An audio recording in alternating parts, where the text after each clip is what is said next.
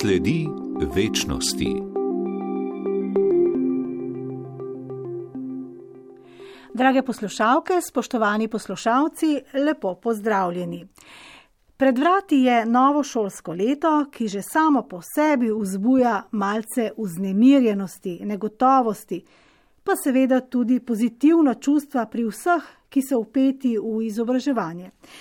Pandemija COVID-19 je še dodatno obremenila šolsko polje, želja, verjamem, velike večine otrok in mladostnikov ter njihovih učiteljev in staršev je, da bi učenci in dijaki, pa tudi pozneje študenti, čim več časa preživeli pri pouku v šoli, ne pa v virtualnem svetu nadaljavo. Tokratno oddajo sledi večnosti smo naslovili Izzivi na področju duhovnosti v katoliški gimnaziji. Zato v oddaji pred začetkom novega šolskega leta gostimo duhovnika in učitelja predmeta Vera in kultura na Škofijski klasični gimnaziji, ki je ena od enot zavoda svetega Stanislava v Šentvidu pri Ljubljani, Gregorja Bregarja. Dobar dan, gospod Dobar Bregar. dan, lep pozdrav. Gospod eh, Bregar, kako se vi, kot duhovnik, kot učitelj, pripravljate na novo šolsko leto? Predvsem se pa pravim z velikim pričakovanjem, z željo spoznati te nove dijake, eh, kdo so, odkot prihajajo, kakšne izkušnje imajo. Kot duhovnik z molitvijo, da bi jih čim bolj z veseljem sprejel. Sem bil tudi že na enem pripravljalnem vikendu, z dijaškim domom, tako da sem tam spoznal 25 novih dijakov, ki prihajajo iz cele Slovenije. Tako nekako v grobem, pa malo se pogovarjam tudi z, z razredniki, bodočimi, um, ki so tudi že nekaj se srečali z njimi, pa tako. Sicer pa skušam te začetne vsebine čim bolj naštudirati, da bodo pritegnile torej, um, novo generacijo, da da bo nek nov zagon. Ne, o vsebinah, ki jih pri predmetu vera in kultura posredujete svojim dijakom, se bova pogovarjala v nadaljevanju oddaje. Kako pa ste vi kot duhovnik upeti v šolski vsak dan?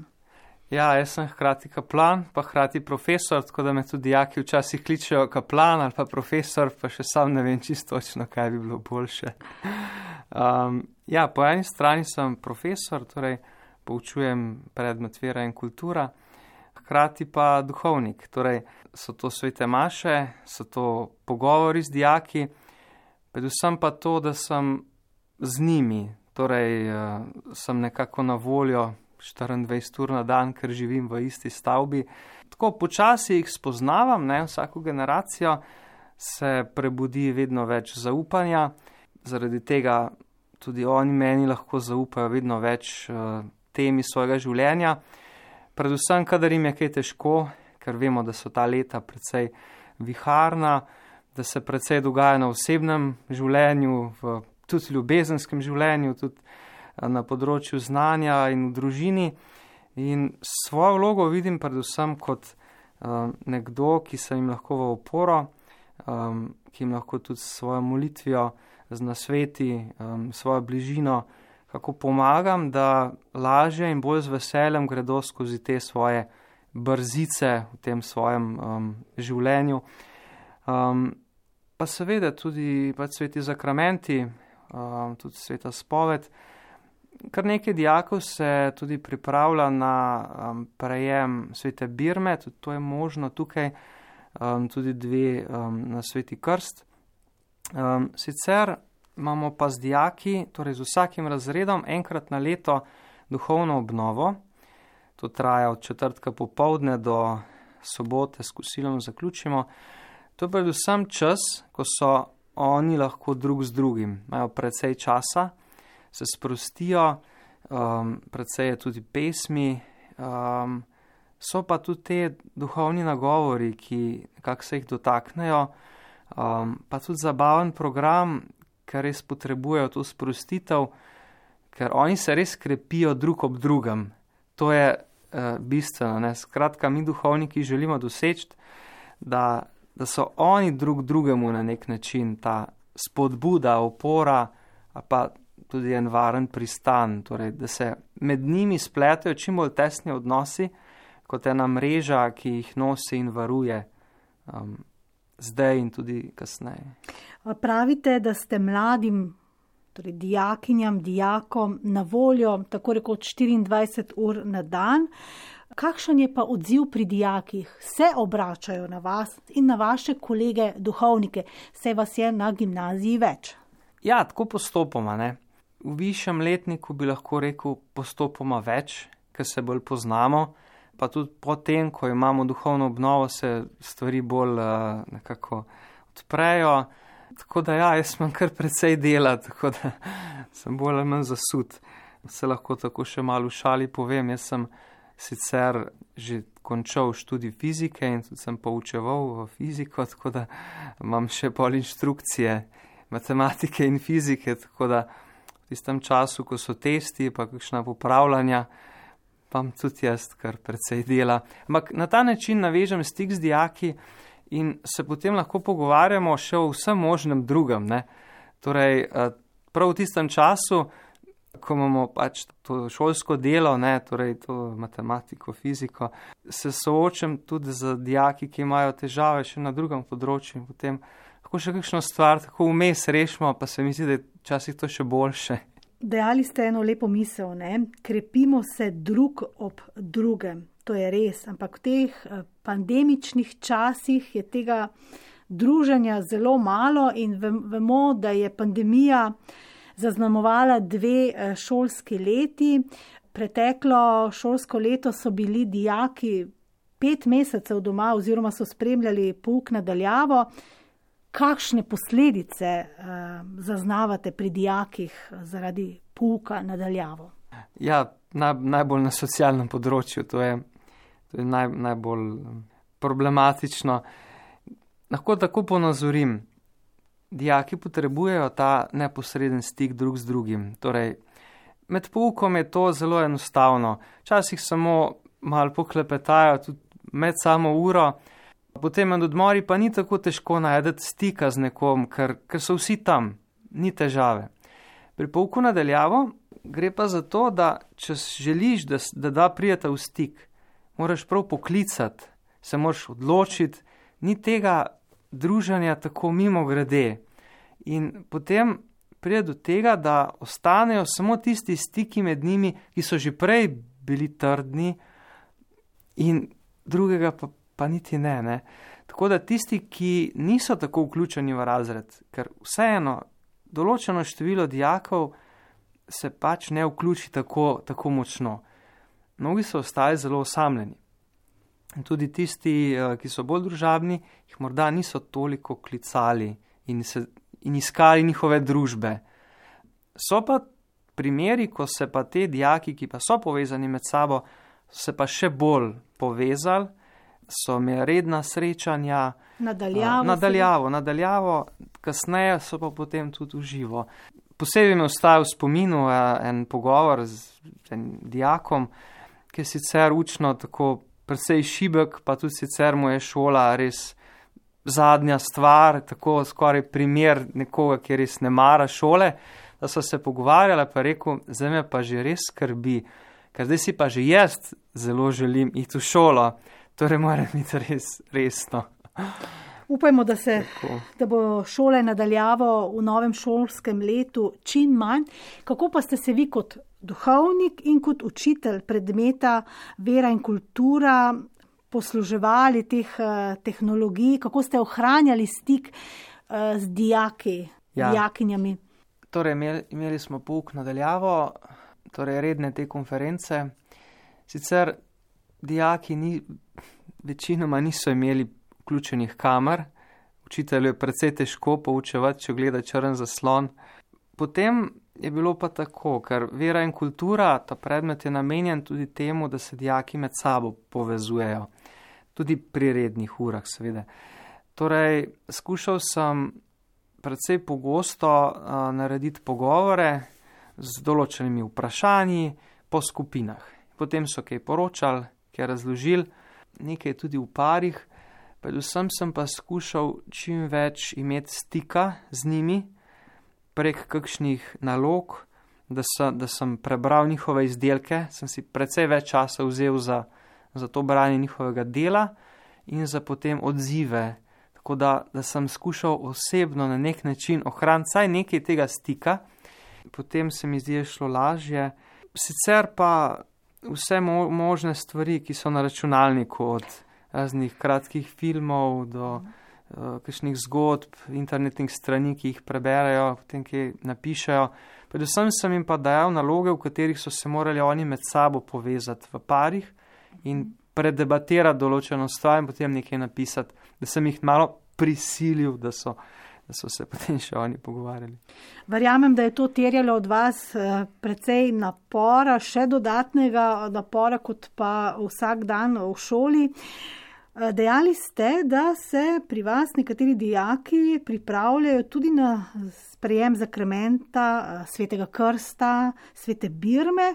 Če se pomikava sedaj na upis v škofijsko klasično gimnazijo, kar priča o tem, da seveda to, da si katoličanka ali katoličan, ni pogoj za upis. Vi upisujete vse kandidate, ki seveda izpolnjujejo pogoje, ne glede na versko pripadnost.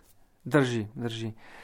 Želja, da bi se, da bi se dijaki upisali na, na gimnazijo, izhaja iz njihovih pogovorov, pre, predvsej iz pogovorov z njihovimi um, kakšnimi prijatelji, tudi sorodniki, uh, ki imajo pozitivno izkušnjo. In torej, seveda, tudi informativni dan, vse to vpliva, ampak predvsej veliki meri pa to osebno poznavanje s tistimi, ki, uh, ki so se upisali. In tako lahko splo, v nekakšnem splošnem smislu rečem, da jih pritegne um, ta dobra družba, ko se oni med sabo povežajo. To je tisto, kar je privlačno. Je neko življenje, neki, neki odnosi, na katerih delamo načrtno, da, da se krepijo, pa tudi med sabo se dijaki krepijo. In se mi zdi, da to nekako potegne. In potegne tudi tiste, ki sicer nimajo tega ozadja verske izkušnje, torej niso povezani z župnijo, tušni tudi niso krščeni, ampak nekako slišijo za to urejenost, za, za te odnose. Torej, eh, to jih nekako pritegne. In tudi sicer se mi zdi, da v razredu za vero, za izkušnjo vere največ naredijo um, sošolci. Vem, torej, za kakšne razrede, kjer je res eno tako veselo, zdravo vzdušje, um, kjer vera pomeni res življenje, eno, eno novo obzorje, eno novo upanje. In se mi zdi, da to jih nekje pritegne. In potem si tudi sami želijo vstopiti v, v ta svet, ki človeka krepi, ki ga odpira, ki mu daje širino, ki ga vzgaja za čiste odnose, za neko lepoto duše, lepoto srca, lepih prijateljstv, povezanosti z Bogom. In to je nekje to okolje, ki, ki vabi. In iz tega se potem rodi ta želja, ja, profesor, bi lahko tudi jaz um, postal kristjan. pa sem vesel, zato ker to zelo veliko pove tudi o teh razredih, kakšni so, se mi zdi, da gre to potem v pravo smer. S kakšnimi izzivi se dijakinje, dijaki v katoliški gimnaziji soočajo na področju duhovnosti? Se malce ste že nakazali. Ja, predvsem gre za to, ker imajo zelo različne izkušnje vere. Vera je sploh eno področje, na katerem imamo ljudje zelo različne izkušnje. Nekateri ima lahko iz, tudi iz družine, celo iz župnije, neko slabo izkušnjo, ki jih je odbila. Nekaj ni delovalo, nekdo nekako ni prav razumel eh, sporočila o božji ljubezni in je lahko tudi zatrl kakšnega učenca, bodi si kot starš, lahko tudi kot katehet ali pa tudi sam nekako ni, ni bil toliko v stiku z, z tem. Imamo pa tukaj tudi dijake, ki so globoko povezani v svojih družinah um, z vero, tudi med prijatelji, nekako ne pojo pesmi, spontano molijo imajo tudi globoko izkušnjo božjega dotika v sveti spovedi. In gre za to, da oni prav v tem času srednje šole še posebej razmišljajo o tem. Včasih se tudi sami ne zavedajo, ampak delajo odločitve glede svojega življenja, glede svoje vere, ker uh, osnovna šola je vseeno malo bolj čas te prisile, če lahko tako rečem, to je na mus, to se naredi, uh, potem se pa zdaj odločaš. Ne? Tako da, da tukaj oni sami sebe nekako iščejo, drug ob drugem, skušajo priti do odgovorov, a je to resna stvar, a bo to spremenil moje življenje, a je, a je to samo nekaj, kar govorijo, ali je to zares. Te odločitve nekako delajo. Potem pa seveda drugi izziv je pa, kako se vključujejo tudi v župnije, domačem okolju, kje se uspejo najti, zato ker vera je tesno povezana s skupnostjo. Težko je, pravzaprav je izziv, večji izziv je živeti vero, eh, če si sam, sploh pa za mlade. In za njih je velika spodbuda, če je v župniji kakšna mladinska skupina, ali skauti, ali oratori, tudi kaj drugega. Torej, da imajo eno skupnost, kjer se spoprijateljijo, povežajo. Večina je katoličank in katoličanov, nekaj je tudi neverujočih ali pa drugače verujočih dijak in dijakov na Škofijski klasični gimnaziji. Tako je. Ja. Mi želimo res vsem čim več dati in ustvariti okolje, kjer se vsak počuti doma. To nam je prvo izhodišče in to želimo nekako doseči, da bi tudi dijaki drug do drugega tako ravnali. Ker vemo, da torej številčno gledano težko rečemo, ker ne delamo anket, ne želimo, ne želimo uh, izpostavljati, zato ker tukaj je manjšina neverujočih. In čim je manjšina, jo hitro ne hote nekako izločiš, oziroma jim daš, jim daš slab občutek, ja, vi ste pa tukaj za zraven. To je res zelo napačno, ker, ker je v nasprotju s tem, kar želimo, da se vključimo. Zaradi tega se prav osebno tudi trudim, da, da jih ne izpostavljam. Torej, sicer mi ne uspe vedno, ampak saj vem, da želim tako. Recimo na razred, mogoče tri do pet ljudi, da ni krščenih in da tudi nimajo nobene, mislim, zelo malo izkušnje z, z crkvijo in tako. Zdaj, da so, da so res tako um, veselo, verni, povezani, da so sodelavci na župnijah, da prejemajo življensko moč iz zakramentov, ne vem, recimo 5 do 10, te, da so tudi pričevalci, lahko rečemo. Um, za ostale težko rečem, nekateri tudi redno hodijo v sveti maši, um, nekateri niti ne. Kakšni so tudi krščeni, pa potem niso imeli drugih izkušenj.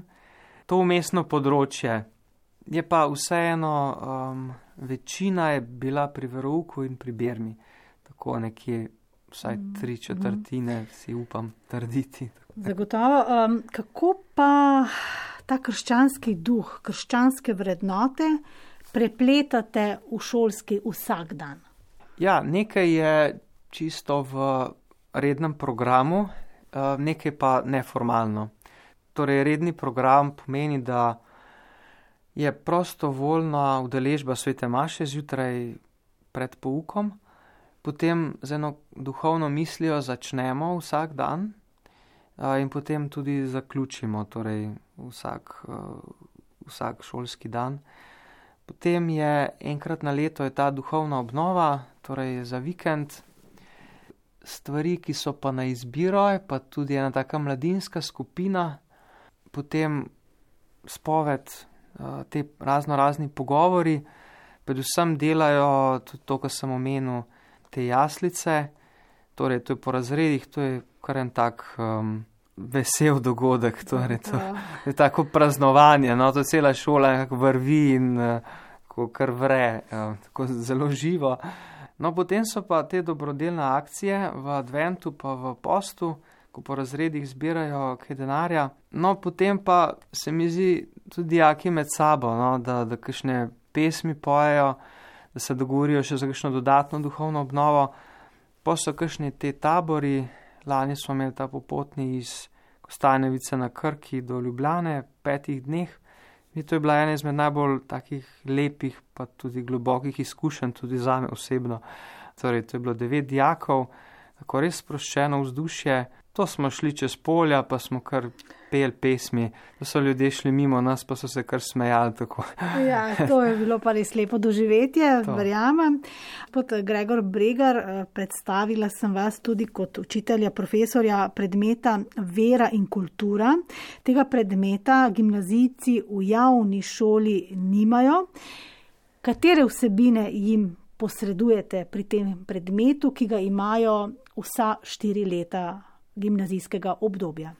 Gre za teme odnosov, sploh v prvem letniku, torej kdo sem jaz kot del skupnosti, iz kje črpam svojo identiteto, kako najti smisel v življenju, kako se soočati z vprašanjem vem, svojega izvora, tudi svoje končnosti, kako živeti odnose, torej eh, napotki, pa predvsem pogovori med njimi o praznih zgodbah, o izkušnjah drugih ljudi, o kakšnih filmih, prijateljstvo, zaljubljenost, ljubezen, spoznavanje vere, kaj sploh pomeni vera, kaj vemo o veri, torej sveto pismo, kako razumeti izvor in vsebino svetega pisma, torej gre za nekaj zgodovinskega, torej resničnega, kako je to povezano z izkušnjo moje osebne vere, recimo. Potem pa čisto kako živeti kot kristjan, kaj to pomeni, v čem je drugačno obzorje mojega bivanja, kaj je moje poslanstvo v svetu, kako tudi razmišljati o tem, kaj lahko dam tej družbi, skupnosti, cerkvi, kako se soočati z razno raznimi družbenimi vprašanji, revščina, izkoriščanje, vse mogoče zlorabe, politični sistemi, torej eno tako širše razmišljanje, pa seveda verstva, kako iskati dialog. Najprej treba poznati drugo skupnost versko, da, da, da sploh lahko začneš z njo dialog. Um, torej, namenjeno je eni širini, osebnemu poglabljanju, poglabljanju v veri, pa tudi krepitvi prijateljstv med njimi samimi. Uh, gospod Gregor Bregar, ker se naj čas počasi izteka, vas ob koncu samo prosim za eno misel ob začetku šolskega leta. Kaj si želite? Za sebe, za svoje dijakinje, dijake? Predvsem to, da bi, da bi, da bi dijaki kako spoznali, kako so čudoviti vsak v svoji posebnosti, da bi si znali to povedati, da bi si znali to sporočiti in da bi na ta način vstopali v prijateljstva ki bodo trajala in bodo nekako bogatila njihovo življenje in življenje vseh drugih, in da bi spoznali, da je Bog nekdo, ki jih pozna, ki jih ima rad, ki jih spremlja v življenju, in da bi tako ukrepljeni z veseljem in upanjem šli v svet. Gospod Gregor Bregar, duhovnik. Profesor predmeta vera in kultura na Škofijski klasični gimnaziji, torej enoti Zavoda svetega Stanislava v Šentvidu pri Ljubljani. Hvala za ta zanimivi pogovor, vse dobro vam želim. Drage poslušalke, spoštovani poslušalci, hvala vam za pozornost. Sledi večnosti.